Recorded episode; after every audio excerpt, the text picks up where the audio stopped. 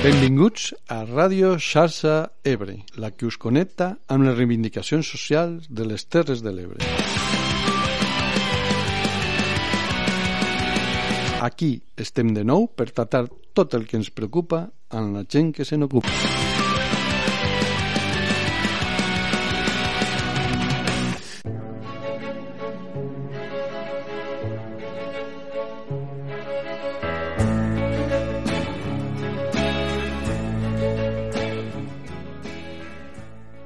Dia, bona hora, bona gent. Comencem de nou un diumenge de Sarsa Ebre. Eh, us hem de avisar de que estos programes, els que no els sentiu en diumenge, o els que normalment els escolteu per alguna plataforma d'internet, heu de saber que el programa queda eh, als debats de Sarsa Ebre durant una setmana tota aquesta setmana és de marge per a escoltar-la, per exemple, per dir alguna per Spotify, que estan els debats de Sarsa Ebre. Ara bé, passada aquesta setmana, el programa surt de debats de Sarsa Ebre perquè volem deixar a, a, només els programes pròpiament de debats ahir i passa als diumenges de Sarsa Ebre. Eh, eh, si algú no el pot escoltar durant aquesta setmana, el pot trobar anant a l'Ivox i buscant eh, per els diumenges de Sassa Ebre i allí estan tots els programes com el que farem avui que no són pròpiament debats però sí són programes de, de Sassa Ebre de diumenge.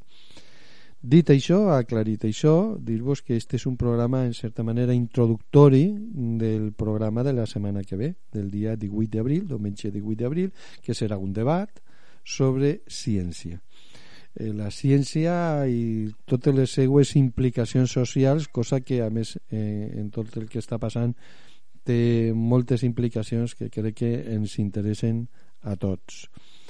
Però abans volíem parlar d'alguna cosa d'actualitat del territori, perquè si no, de vegades alguns dels que ens seguiu podeu pensar que se n'anem se n'anem massa lluny i no oblidem que este és un programa dedicat al territori, a Terres de l'Ebre, eh, a fer xarxa dins del territori. No és un programa que tinga com a principal objectiu mm, parlar dels temes de més actualitat, sinó tratar els temes diguem-ne en profunditat, en una miqueta de temps i en gent que treballa sobre aquestes qüestions que ens poden interessar a tots però això no vol dir que d'algunes qüestions que ja hem parlat en, en programes anteriors eh, convingui de tant en tant en aquests programes que no són de debat perquè en els programes de debat anem en el temps molt curt i volem donar prioritat a la gent convidada en aquests altres programes sí que podem fer algun esment a qüestions d'actualitat del territori. Hi ha moltíssimes que podríem parlar que tenen relació amb temes que hem tratat aquí però hi ha una que per la seva rellevància em sembla que seria, seria important poder-la poder -la tratar i és el delta, és a dir, el pla de, estatal que s'ha presentat eh, sobre el delta i les conseqüències i reaccions que això ha tingut. Saben que hi ha hagut reaccions des de diferents fronts a nivell eh, d'ajuntaments i de particulars per una banda, a nivell de la Generalitat per l'altra, però potser el que pensem nosaltres que va més en consonància en el sentit d'aquest programa és el que han dit tant la PD, la Plataforma en Defensa de l'Ebre, que va estar convidada a aquest programa, com la campanya dels sediments, que també ho va ser, i altres grups eh, eh, com a GPEC, Ecologistes en Acció, etc, que també han participat dels programes. Aleshores, nosaltres som un programa per donar veu als moviments socials i és lògic que ens fem ressò dels plantejaments que ells fan. I en relació a este pla de protecció del delta van fer una conferència de premsa i van explicar la seva posició. Hi ha coses d'ahir que, eh, del que van dir que em semblen especialment interessants. Alguna ja l'hem comentat en algun programa anterior. Per exemple, la del colmateig, que és una de les propostes que es fan que em sembla molt interessant per molts aspectes. El colmateig era el sistema d'introduir, de deixar passar eh, l'IMS pels canals de rec de manera que arribaven a les terres i les fertilitzaven i a més això li donava més fermesa i més consistència al, al, al terreny del delta per evitar aquesta introducció de l'aigua de mar no? I té moltes connotacions que considerem positives com recuperar una tradició que tenia el seu sentit i que aquesta modernitat aclaparadora moltes vegades eh, deixa de costat coses que hem de recuperar perquè són interessants i aquesta del colmatxet, colmateig és una d'elles. I altra, els camins de guarda que és altra de les reivindicacions que fan la gent de les plataformes que us hem esmentat. Els camins de guarda eh, és una de les formes o podem dir que eh, una de les eh, antigues formes de eh, protegir diguem el litoral protegir en diversos sentits. Però en aquest cas si se preservessin els camins de, de guarda si se recuperessin i es preservessin també faríem la seva contribució per al manteniment de, del delta. Hem d'assumir, això sí, que el delta és un, és un ecosistema viu i que els ecosistemes vius són, són canviants, però una cosa és que, que canvien i altra cosa és anar posant parxes i, i com, com d'alguna manera, en certa manera, o pedaços, per a dir-ho en català correcte, que, que també recriminen des de les plataformes que no se té aquesta visió ecològica integral del riu, de tot el que és l'ecosistema del riu. Se van mirant, bueno, ara el litoral que no es deforme, va, anem a posar aquí uns diques, bueno, pues això pot estar bé, però manca lo altre, manca esta visió de conjunt que com després parlarem de ciència i de la manera que funciona la ciència occidental, això veureu que en té relació en aquesta visió una mica massa a, a trossos que de vegades, eh, que de vegades fem.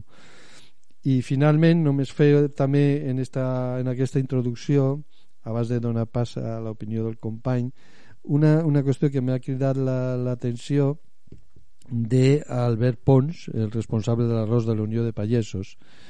Ell va dir, eh, per a la Unió Europea, una nacra, no sé sabeu estos moluscos que estan en perill d'extinció, val més que 500 pagesos. Pues si és així, siguem, siguem gestos, siguem intel·ligents, nosaltres defensarem a les nacres perquè defensant les nacres defensem l'ecosistema i defensant l'ecosistema defensem també el nostre eh, modus vivendi dels pagesos del territori.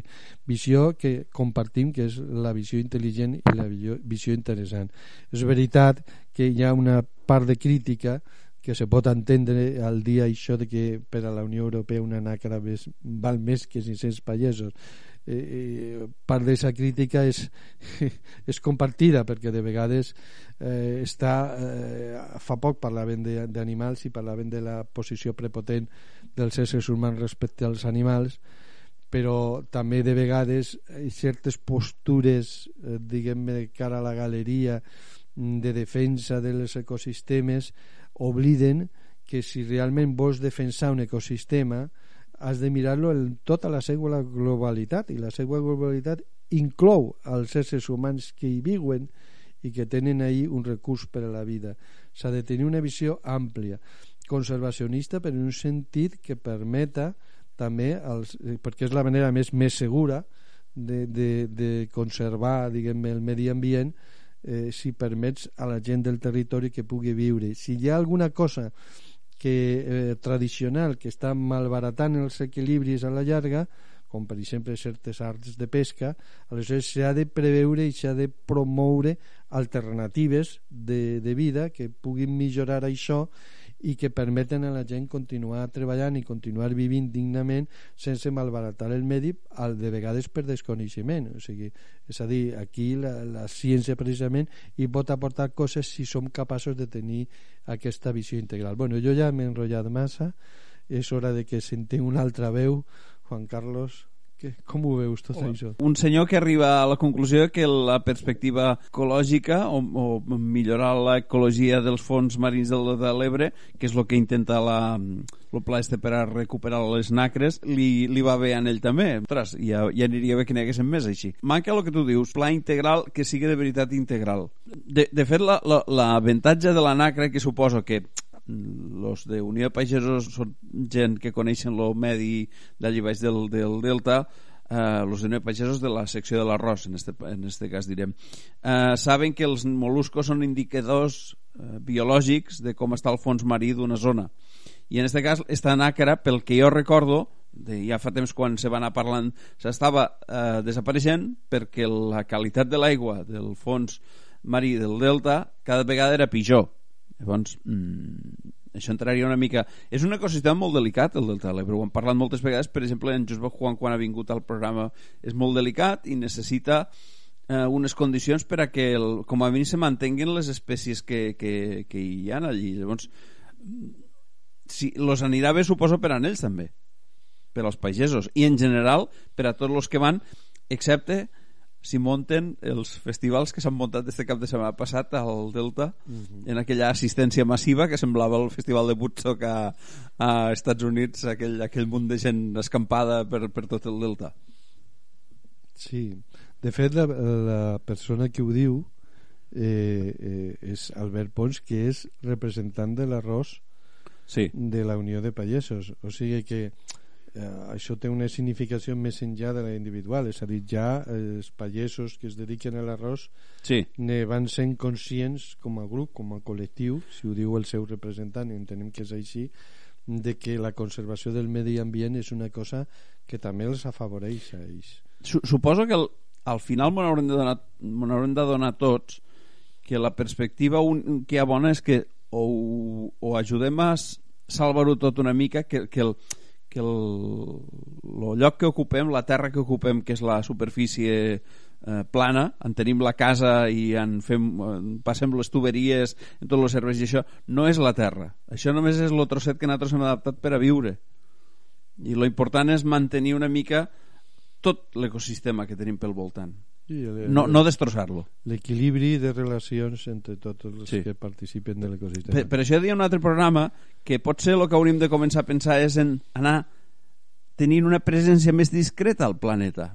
Eh? Que sem eh, és a dir, nosaltres ens hem pensat que som les vedets i, i hauríem d'anar a la segona o la tercera vedet o el còmic aquell que surt a fer quatre gràcies a l'espectacle.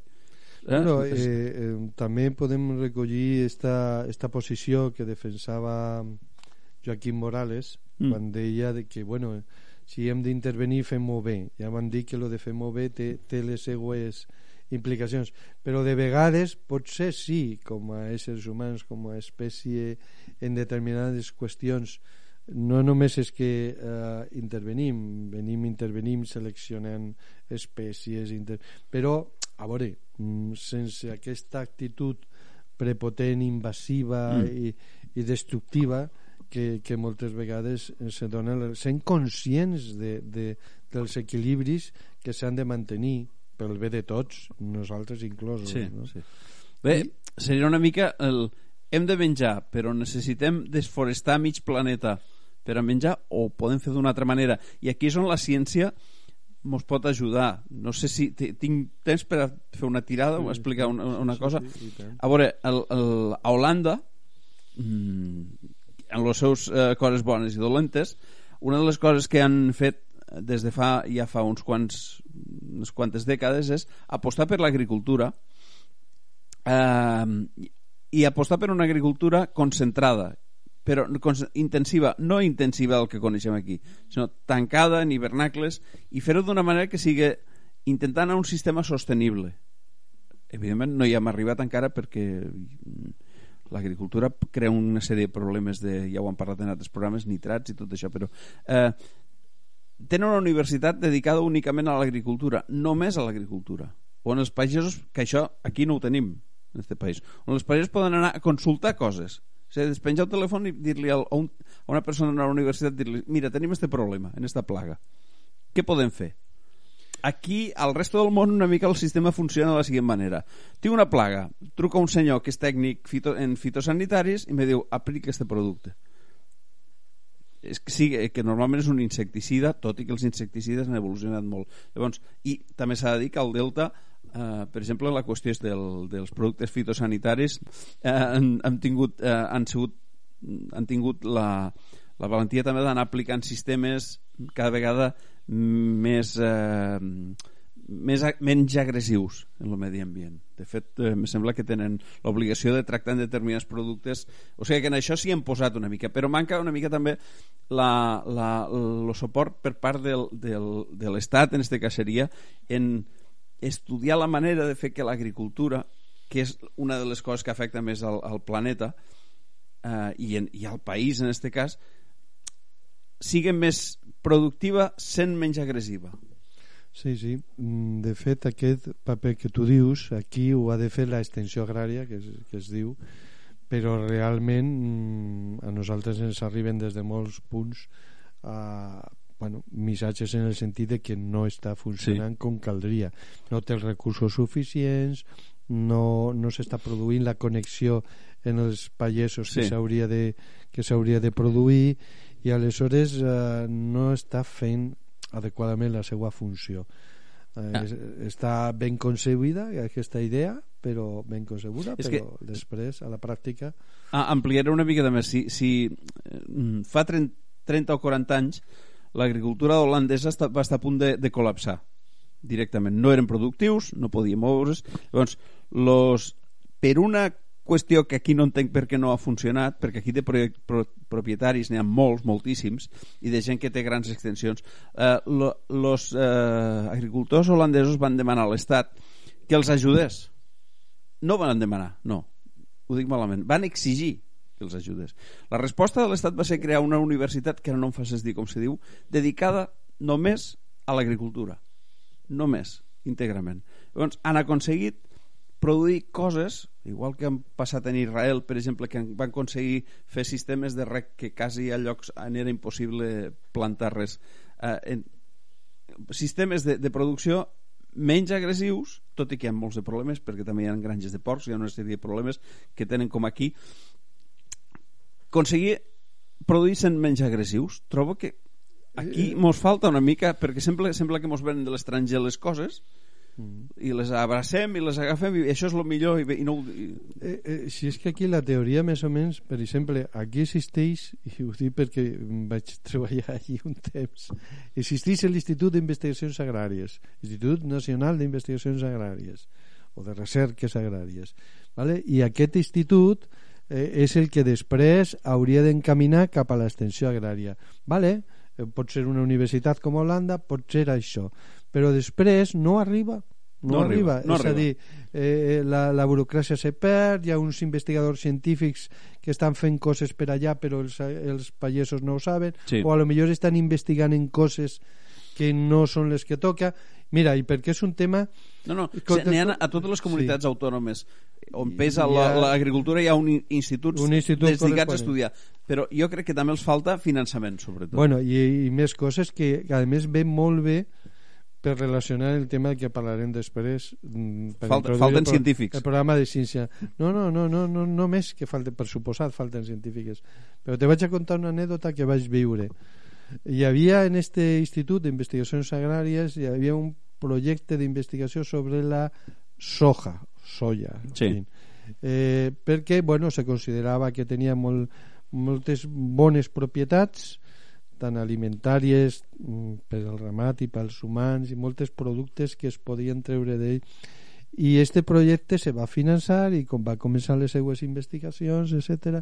I de sobte una decisió des de dalt i el programa va quedar anul·lat. Aleshores, eh, quan m'hem indagat una miqueta per què s'havia anul·lat un programa, pues resulta que part de la financiació de l'Institut d'Investigacions Agràries venia d'un conveni en els Estats Units, concretament un conveni en l'USDA, que era l'equivalent eh, d'Estats Units, a canvi, no us ah, ho perdeu... Sí, el, el Departament d'Agricultura dels Estats Units, sí. Sí, el Departament d'Estats... Però a este conveni, aquests diners que arribaven per finançar les investigacions agràries, eren a canvi de una de les coses, no la única, una de les coses que se donaven entre cometes com a contrapartida per tindre bases mm. nuclears a l'estat espanyol, concretament la de Torrejón de Ardoz al costat de, de Madrid. Aleshores, finançaven això i després, si alguna de les investigacions no els interessava i Estats Units era el principal exportador de soja o de soja al món i li interessava que l'estat espanyol li comprés la soja i no que investigués la manera de produir-la aquí aleshores va fer pressió suficient com tenia la paella pel mànec perquè era el finançador de dir que aquest projecte s'havia d'anul·lar imagineu, imagineu això, este petit exemple el que representa. És a dir, es posen bases. Es posen bases militars nuclears. A canvi ens donen uns diners per a fer les investigacions que a ells els convenen. Eh, i quan no les tallen. Este és un plantejament que no pot tindre altre nom que colonialista. Però este plantejament jo també ho he viscut de l'altra banda com plantejament de la cooperació espanyola en països latinoamericans exactament la mateixa política que va fer seguir els Estats Units aquí en aquell any. És a dir, us dono dinerets, entre comilles, per a que feu compres que a mi m'interessen i en la línia que a mi m'interessa i si compreu altra cosa, pues tallo els diners. El neocolonialisme continua vigent al món i quan parlem de ciència, que ara en parlarem una mica més, hem de tenir en compte el que n'hi ha darrere i el que n'hi ha darrere eh, moltes vegades fa que determinades fons de finançació sense cap explicació que els científics que estaven treballant allí no sabien de sobte s'ha acabat el projecte, s'ha acabat la teva investigació, sí. ara toca investigar una altra cosa i tu penses, bueno, pues, tindrà alguna, algun argument raonable, justificable de caire social? Pues mira, l'argument en aquest cas era este. No vull dir que sempre sigui així, sí. però en aquest cas va ser així. Mm -hmm. jo, jo diria que passa més d'una vegada. Segur, sí, sí, segur, sí. perquè esta la vaig conèixer jo i n'hi haurà, i haurà moltes més.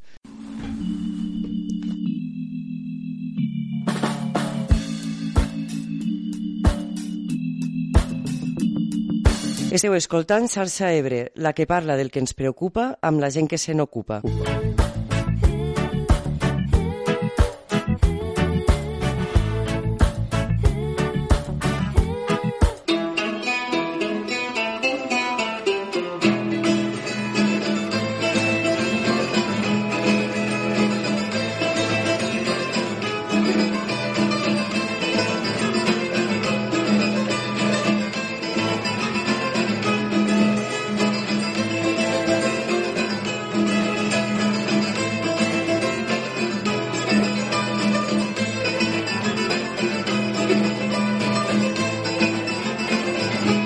Bé, anem entrant, ja que hem fet una petita introducció sobre temes del territori, anem entrant... Llarga, introducció llarga, hem fet. Sí, petita en el sentit de que en el context de tot el programa ara dedicarem la part, la part més gran del temps a introduir el tema de la ciència, però esta introducció ja ha lligat diverses coses.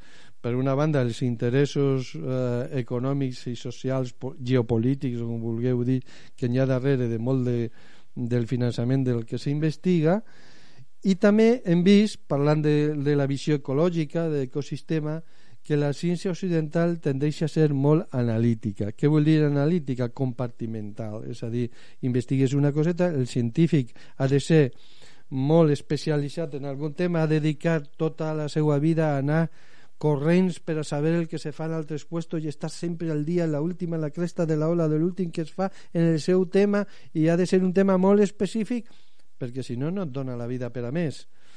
Esta visió tan especialitzada, tan analítica, tan compartimentada fa que quan el que es necessita és una visió de conjunt, una visió d'ecosistema, una visió, si voleu, ecocientífica, que relacioni unes coses amb altres, la falta d'hàbit de pensar les coses així, més relacionalment que individualment, això té un sentit, perquè esta, esta part del món en la que nosaltres vivim ha desenvolupat molt aquesta manera individualista de veure les coses i la bandera individualista és fragmentària, no? És fragmentària, ho fa en la democràcia, un home, un vot, d'una manera de vegades molt quantitativa i mecànica i les qüestions que són mm, més qualitatives que requereixen més interpretació, més relació d'uns temes en altres una visió més ecològica està arribant a poc a poc i, i, i en dificultat. Aleshores este problema que estem veient en el tema del delta però que voldria podria generalitzar-se moltes coses és una de les qüestions que hem de tenir en compte quan parlem de la ciència occidental, de la nostra ciència. Però, evidentment, també hem de reconèixer que eh, hi ha una aportació importantíssima de la ciència. L'anirem desglossant i la mirarem si sabem interpretar-la correctament. De totes maneres, a mi em va quedar molt l'atenció una cosa que ara us posarem que va dir eh, Michael Sermer, que és eh, un divulgador científic, fundador d'una revista bastant coneguda que es diu Skeptics Magazine. Que és, és, este home eh, va fer palès, ara ho escoltareu, a la seva intervenció, que eh, l'origen psicològic de, de l'esperit científic i eh, de la superstició és el mateix, per molt que em podíem sorprendre, diguem, home, però, però si són coses oposades. Bueno, a veure, eh, l'objectiu és el mateix, és la lluita contra la incertesa. Vivim en un món canviant i necessitem tenir un marc, uns paràmetres per a sentir que controlem una miqueta la situació. I eh, inicialment això pot vindre de la superstició i posteriorment eh, hem anat avançant hacia la ciència l'origen psicològic és el mateix, però la manera de funcionar és molt diferent i per això la ciència cobra un avantatge perquè corregeix o té un sistema per corregir possibles errors. Bueno, escoltem a Serme y después lo comentem. Somos criaturas supersticiosas por naturaleza. Esto nunca desaparecerá, porque la superstición se debe a que somos animales que buscan pautas. Buscamos las pautas aleatorias de la naturaleza y unimos los puntos para conectarlas si es necesario. Los tipos de superstición cambiarán con el tiempo, pero siempre seremos supersticiosos. Por ejemplo, en la Edad Media la gente creía en las brujas. Hoy en día la gente ya no cree tanto en las brujas, pero sí en extraterrestres extraterrestres o ángeles o fantasmas o lo que sea.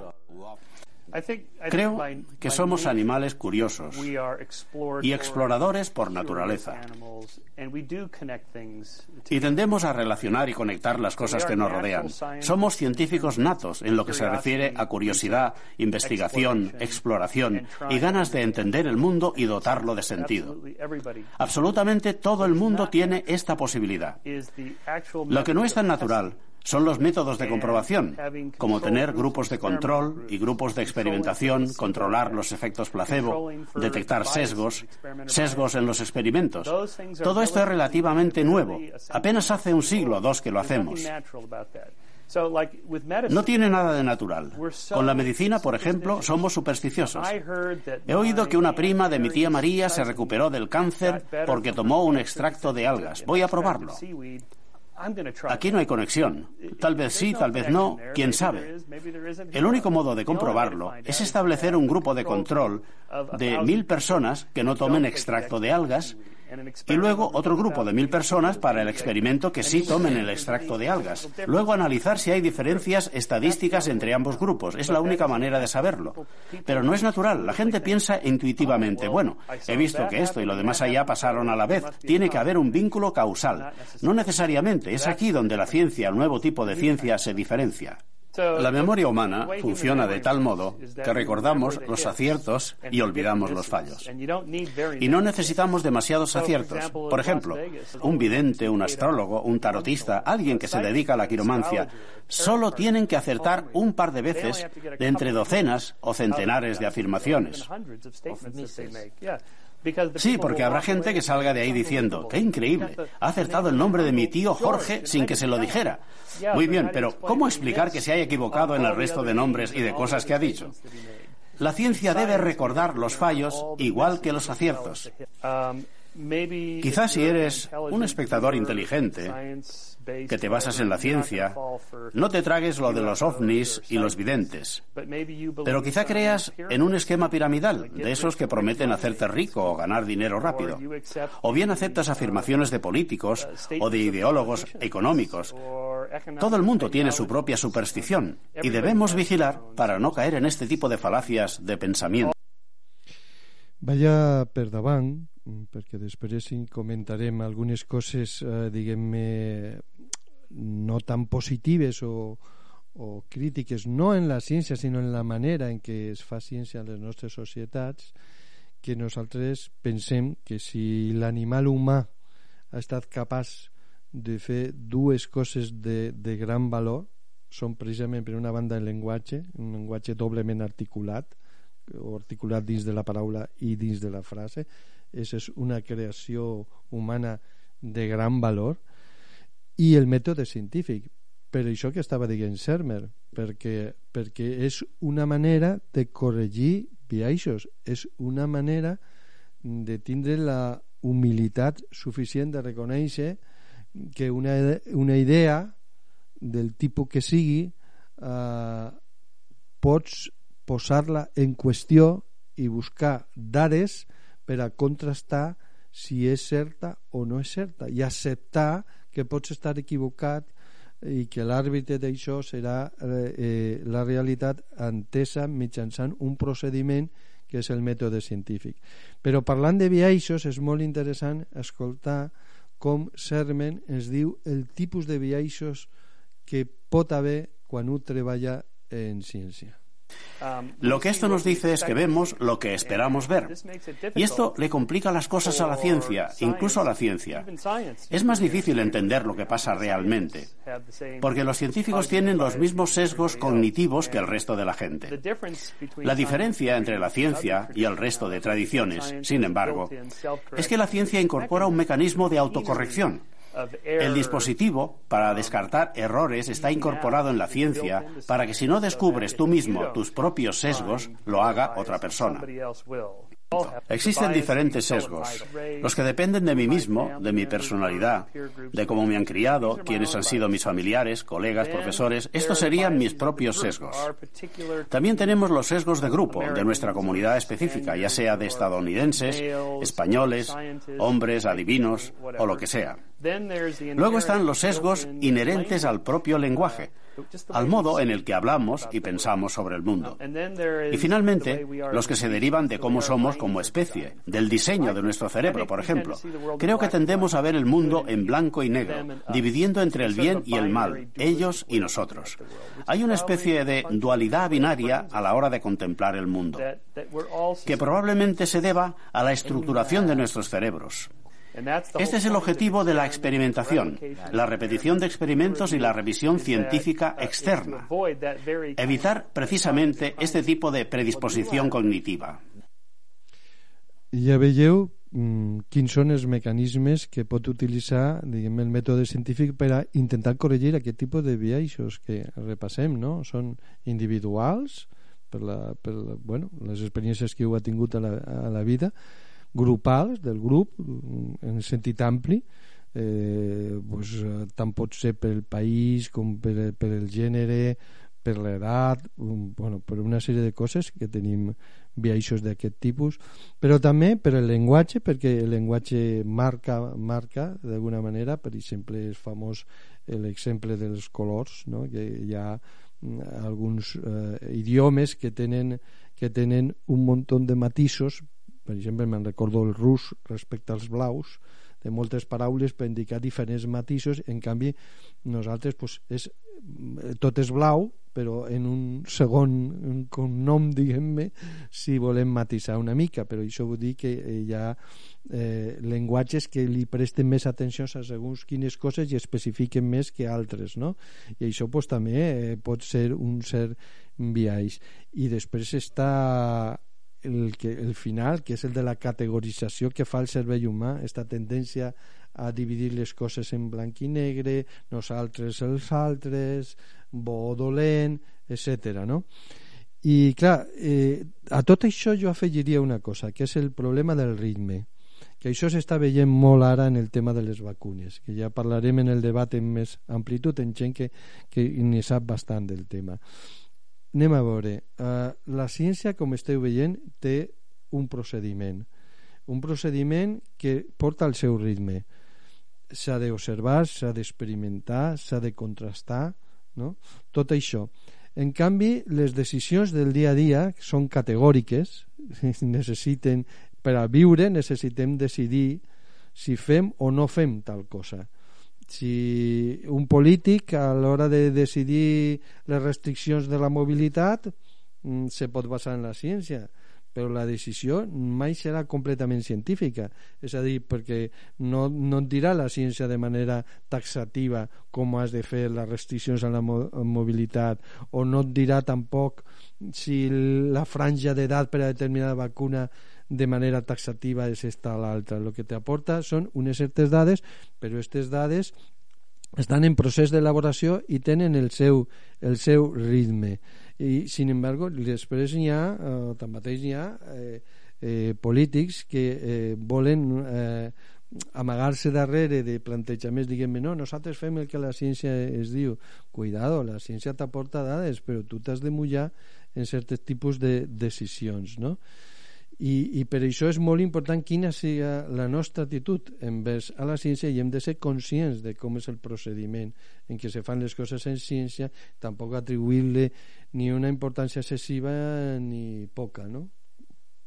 Sí, és, és, eh, és el, el, el problema, suposo, de tot el mètode científic és, bàsicament, el mateix que ha inventat el mètode científic, o sigui, nosaltres.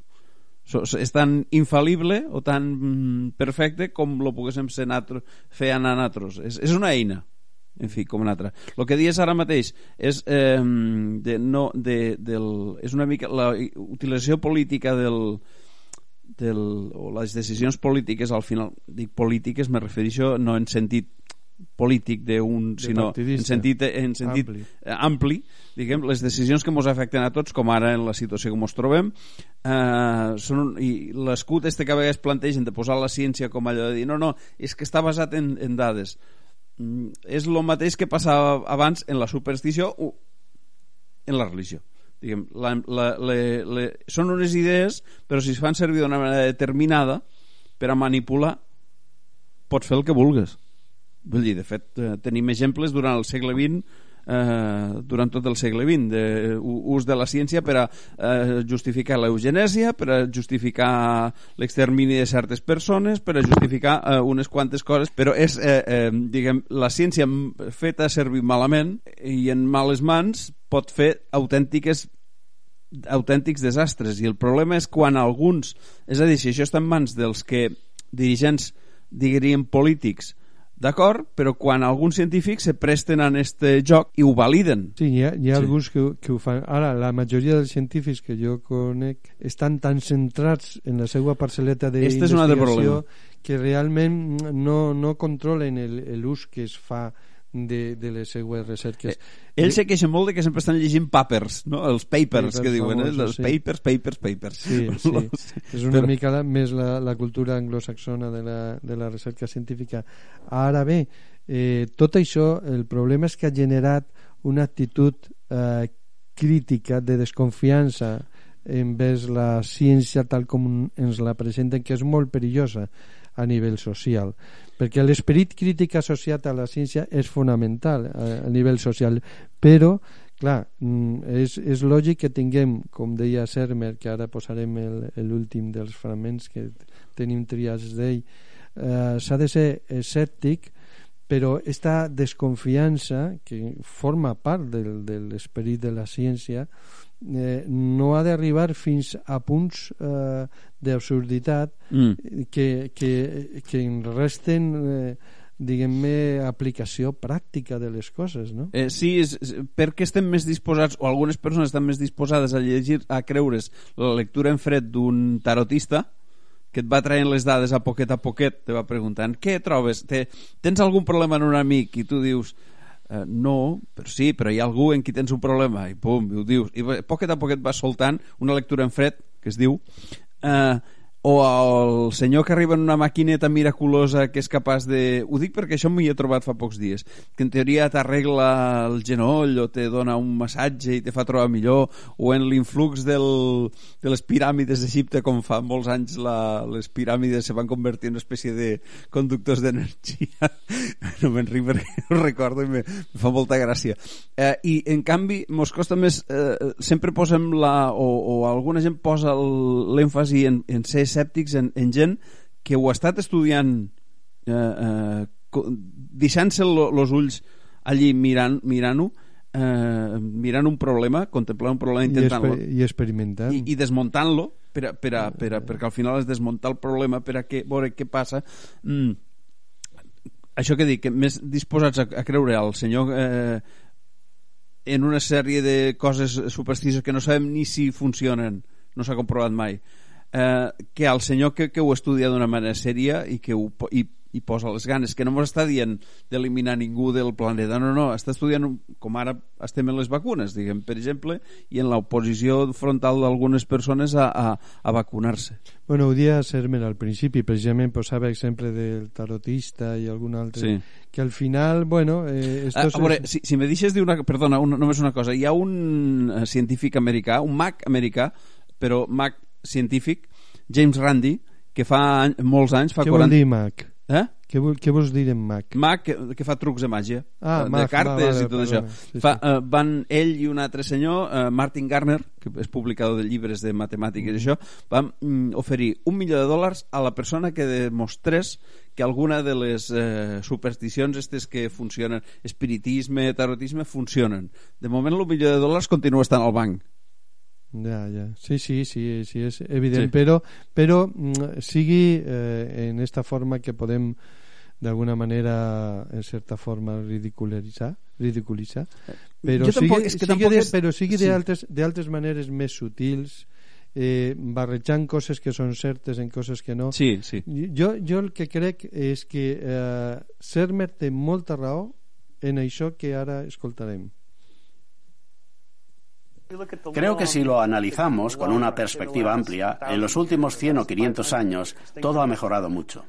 La gente es menos supersticiosa como cultura, tenemos menos supersticiones y podemos agradecérselo, creo, a la educación pública, el auge de la ciencia, la ilustración. Pero si tomamos los últimos 40 o 50 años, el panorama no es tan bueno. Y creo que se debe en parte a que no resulta natural pensar escépticamente. Eh, ¿Qué pasa con la teoría de las cuerdas? Porque no entiendo su explicación matemática, casi nadie lo entiende. Y me dicen, bueno, no es ciencia empírica todavía, no hay datos. Pero esta teoría tiene belleza matemática, elegancia y coherencia. Y en los próximos 10 años tendremos experimentos para ponerla a prueba y descubriremos si es verdad o no. Por eso es ciencia y no pseudociencia, porque en la pseudociencia normalmente no hay modo de someter las teorías a prueba, o cuando se ponen a prueba no funcionan.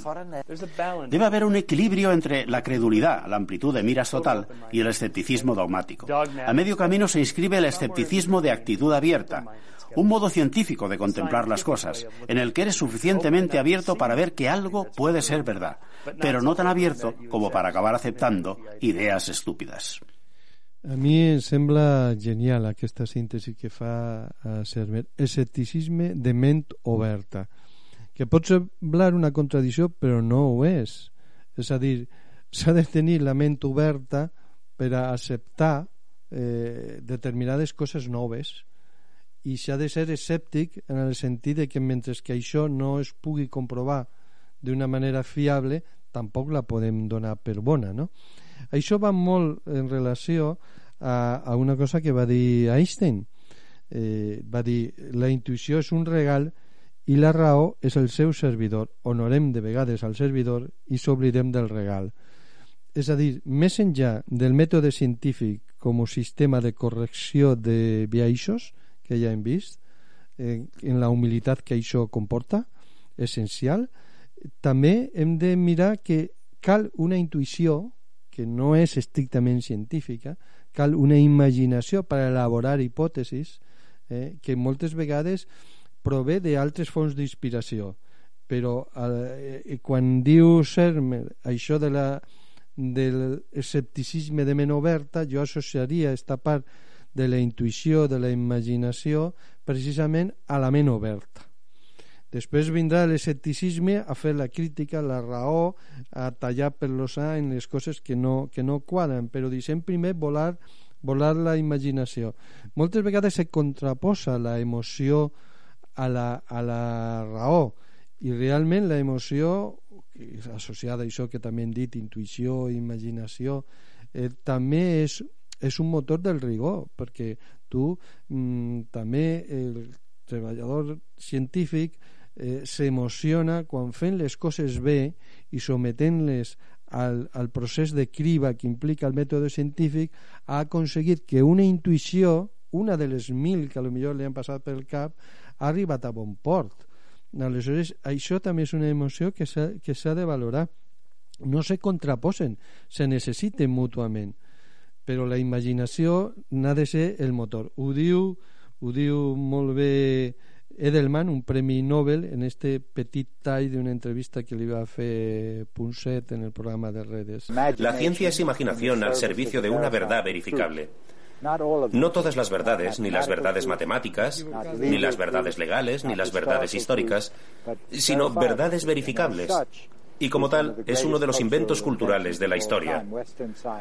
La ciencia occidental ha demostrado ser tan general desde Galileo hasta Einstein, Boyle y hasta Darwin en biología. No tenemos ni idea de cómo se ha transformado nuestra percepción de nosotros mismos y del mundo.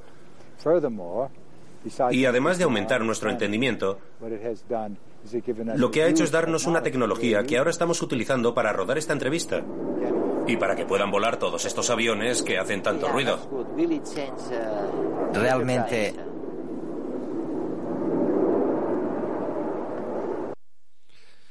Sí, imaginació. Imaginació per a moure, diguem-ne, al cervell humà a plantejar-se eh, noves coses, esta curiositat pel coneixement com a motor principal emocional de la investigació científica. Però després hi ha un altre punt, la honestedat. No intentar quadrar les coses perquè tu tens una idea i les has de fer quadrar com sigui. Eh, d'això és, és, mm, sembla un boníssim exemple. En el segle XVI, Kepler estava convençut eh, de que les òrbites dels planetes eh, eh, al voltant del Sol havien de ser circulars. A ell el cercle li, li representava, diguem-ne, la, la imatge de, del, de la figura perfecta, no? I més, la, i fins i tot les seues idees religioses li, li portaven això. Ell va dir que si llevava mm, els cercles i les espirals de l'univers, pues lo que quedava no valia res, era runa, no? I aleshores, quan va aconseguir les dades que li va passar l'astrònom real Tycho Brahe, millor dit, la dona de, de l'astrònom quan ell va morir, perquè en vida no li va passar. Quan va tenir les dades, va intentar quadrar aquestes circunferències i no ho va aconseguir perquè dos de les, no sé si eren 20 observacions, no li quadraven i va tindre la honestedat de dir maldita sea, no enquadra, no és una circunferència. Quan finalment, després de moltes proves, va trobar la elipse en el, en el sol en un dels focos i no en el centre se va quedar decebudíssim. Va dir que fins i tot eh, havia, havia mm, quasi va estar a punt de perdre la fe en Déu. Va dir, perquè clar, com, com Déu podia haver fet un, una figura tan rara i un foc en el sol i l'altre foc no hi ha res, això no pot ser. Però va tindre aquesta honestedat. Escoltem com ho conta Carl Sagan un altre divulgador científic excepcional Kepler escribió, si pudiera ignorar los ocho minutos, adaptaría mi hipótesis. Pero como no puedo ignorarlos, esos ocho minutos conducen a una reforma total de la astronomía. La diferencia entre la órbita circular y la real de Marte solo podía hacerse con cálculos exactos y una audaz aceptación de los hechos. A Kepler le enfadó sumamente el tener que abandonar la órbita circular. Puso en duda su fe en Dios como creador de la geometría celestial. Decía, limpié el establo de la astronomía de círculos y espirales y solo se quedó con una carreta de estiércol. Probó con curvas ovaladas, calculó y al cometer errores aritméticos se alejó de la solución correcta. Meses después, desesperado, probó con la fórmula de la elipse. La elipse coincidía maravillosamente con los datos de Tycho. En esta órbita, el Sol no está en el centro. Está descentrado en un foco de la elipse. Ja veieu, honestedat. I, un, I jo afegiria una cosa, evitem la sacralització de la ciència. Sem conscients de que és una gran aportació, però que també té les seues limitacions. Hem parlat d'algunes d'elles, no? de, de la tendència compartimentada de la ciència occidental, de la manipulació econòmico-política, però no per això hem, hem, de, hem de, com se diu en alguns jocs, eh, tirar el xiquet en l'aigua bruta. Una vegada, és a dir, hi ha coses que, que valen molt la pena que són molt importants i el que hem d'intentar és controlar la, la part negativa. No sacralitzem la ciència perquè això va en contra del propi esperit científic. És a dir, la ciència té els seus marges d'error està en continu procediment de, de millora i de correcció. La hem de prendre en esta incertesa que hem de començar a assumir que és part de la vida humana i que per tant és una guia però no pot ser una guia exacta hi ha un marge i nosaltres hem de moure'ns dins d'aquest marge perquè si no eh, estarem fent el contrari del que, del que l'esperit científic porta en si, del que ha estat la, la gran aportació per a obrir la ment de, de, de molta gent. De totes maneres, sobre aquest tema precisament eh, en parlarem abastament en les nostres convidades el proper programa de debat. Tindrem a Marta Ponce, que és una immunòloga que treballa a Oxford precisament.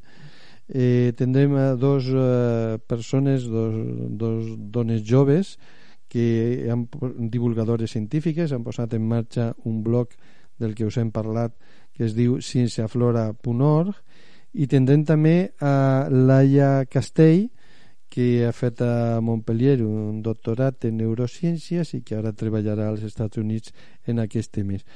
Pensem que en aquestes quatre persones, totes elles treballant en ciència, eh, de, des de diferents punts de vista, podem tindre una, un debat molt interessant sobre el que significa la ciència en la nostra societat. Ara us deixem en una, en una música i ja ens acomiadem. Tu beso se hizo calor, luego el calor movimiento, luego gota de sudor que se hizo vapor, luego viento que en un rincón de La Rioja movió el aspa de un molino mientras se pisaba el vino que bebió tu boca roja. Tu boca roja en la mía, la copa que gira en mi mano y mientras el vino caía Supe que de algún lejano rincón de otra galaxia el amor que me darías transformado volvería un día a darte las gracias. Cada uno da lo que recibe, luego recibe lo que da. Nada es más simple, no hay otra norma, nada se pierde, todo se transforma. Se transforma. El vino que pagué yo con aquel euro italiano que había estado en un vagón antes de estar en mi mano y antes de eso en Torino y antes de Torino en Prato donde hicieron mi zapato sobre el que caería el vino zapato que en unas horas buscaré bajo tu cama con las luces de la aurora, junto a tus sandalias planas que compraste aquella vez en Salvador de Bahía, donde a otro diste el amor que hoy yo te devolvería. Cada uno da lo que recibe, luego recibe lo que da. Nada es más simple, no hay otra norma. Nada se pierde, todo se transforma. Pues en això hem, hem arribat al final del programa, ens acomiadem fins diumenge que ve, no sense abans recordar-vos que el programa de la setmana que ve és de debat, serà sobre ciència, mm, diumenge 18 d'abril a les 12, que per xarxaebre.net podeu seguir el programa i intervenir via xat. Us esperem, és molt important que pugueu participar, podeu dir la vostra a través del xat i també si voleu fer comentaris abans o després del programa en teniu el número de telèfon el 698 39 30 63 en el que podeu deixar missatges de text o d'àudio al WhatsApp o al Telegram o fer alguna trucada i sense res més salut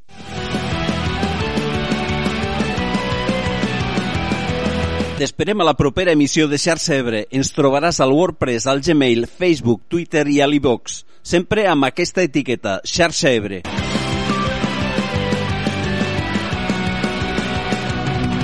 No oblides subscriure't, sabràs les dates i els convidats dels propers programes. Fins aviat, seguim fent xarxa.